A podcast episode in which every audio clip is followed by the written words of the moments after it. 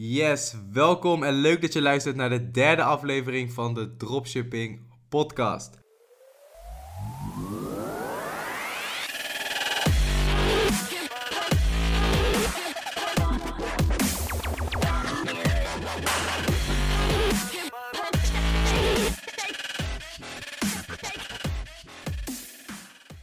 Mijn naam is Joshua Kaats en ik vind het weer super leuk dat je luistert naar deze derde episode. In mijn vorige podcast heb ik het gehad over een seminar van Ilko de Boer. En vandaag was de allereerste dag van dat seminar. En voor de mensen die of mijn vorige podcast niet hebben geluisterd of niet weten wie Ilko de Boer is. Ilko de Boer is een van de bekendste en een van de meest succesvolle, misschien wel de bekendste uh, internetondernemer in Nederland. En Ilko de Boer verdient al sinds 2005 geld via het internet, dus al een hele lange tijd.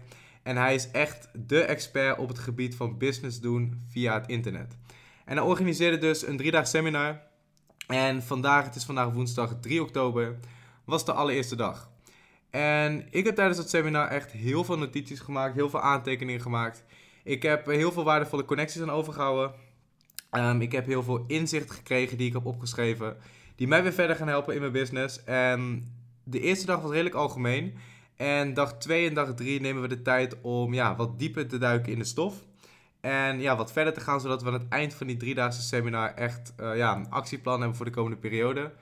En het leek mij wel leuk om een aantal van die inzichten die ik tijdens het seminar heb gekregen, om deze met jou te delen op deze podcast. Dus ik heb hier naast me een heel groot notitieboek. Ik ging, uh, ik ging naar het seminar toe met een heel dik en groot notitieboek waar ik lekker in kon schrijven, lekker aantekeningen kon maken. Het is natuurlijk een best wel lange dag geweest. En vaak is het zo bij seminars dat je komt daar om 9 uur s ochtends in dit geval. Je gaat er om half zes de deur uit en vaak is het zo overwhelming dat je aan het eind denkt van wow, what the fuck is er allemaal gebeurd? Dus daarom is het heel belangrijk, uh, want tijdens het seminar ben je hyped. Tijdens dat seminar krijg je breakthroughs, krijg je inspiratie. En het is juist belangrijk tijdens zulke seminars om zulke dingen op te schrijven. Zulke dingen lekker op te schrijven in het moment, um, zodat het uit je hoofd is, op papier. En zodat je net als vandaag die aantekeningen er weer bij kunt pakken en terug kunt kijken wat je hebt geleerd uit dat seminar. Dus dat is wat ik, wat ik ook vandaag heb gedaan. Ik ben eerst lekker wezen sporten en daarna ben ik thuis gekomen. En nu net heb ik eigenlijk de tijd genomen om mijn aantekeningen erbij te pakken. En echt even goed te kijken van oké, wat zijn vandaag de belangrijkste inzichten geweest? Wat heb ik geleerd? En wat betekent dat voor mij als persoon? En wat betekent dat voor mij uit mijn business? Dus kortom, wat ga ik met deze inzichten doen voor de komende periode? Want we zijn allemaal ondernemers en ondernemers zijn heel creatief en ondernemers zien heel veel kansen en dat is enerzijds iets goeds, hè, want je moet creatief zijn als ondernemer. Maar aan de andere kant is dat ook een valkuil, omdat heel veel mensen met heel veel dingen tegelijk aan de slag gaan. En daardoor het overzicht verliezen, de focus verliezen, waardoor uiteindelijk dus niks gaat werken. Dus het is heel belangrijk om voor jezelf een prioriteitenlijst te maken.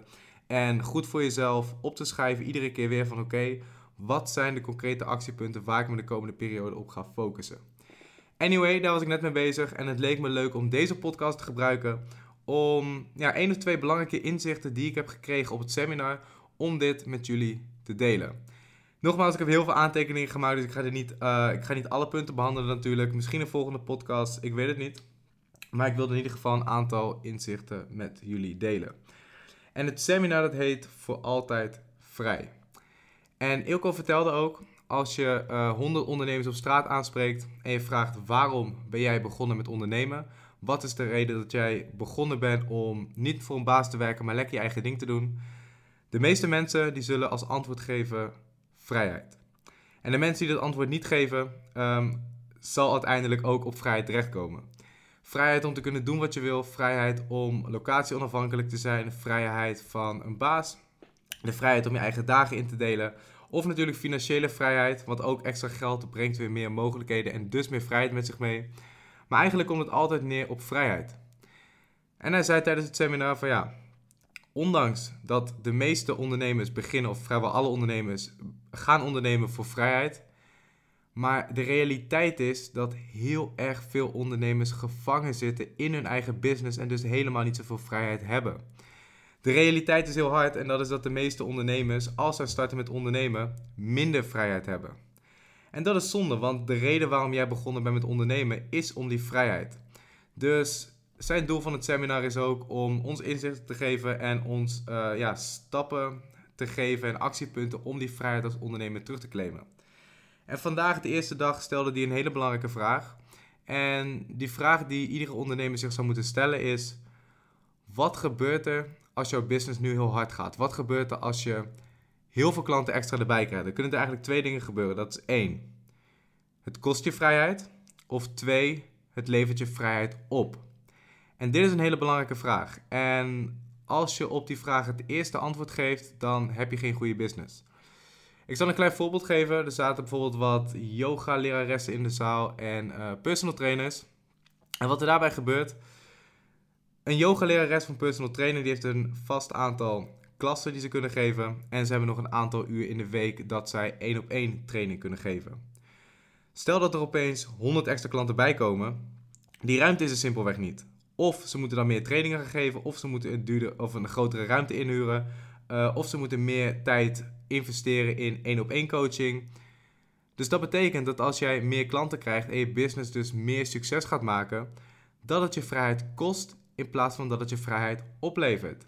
En als je onderneemt voor vrijheid, dan is dat niet een businessmodel wat voor jou geschikt kan zijn. Want dat betekent als het. Kijk, we willen natuurlijk dat het allemaal heel goed gaat met onze business. Maar dat betekent als het goed gaat met onze business, dat het minder goed gaat met ons.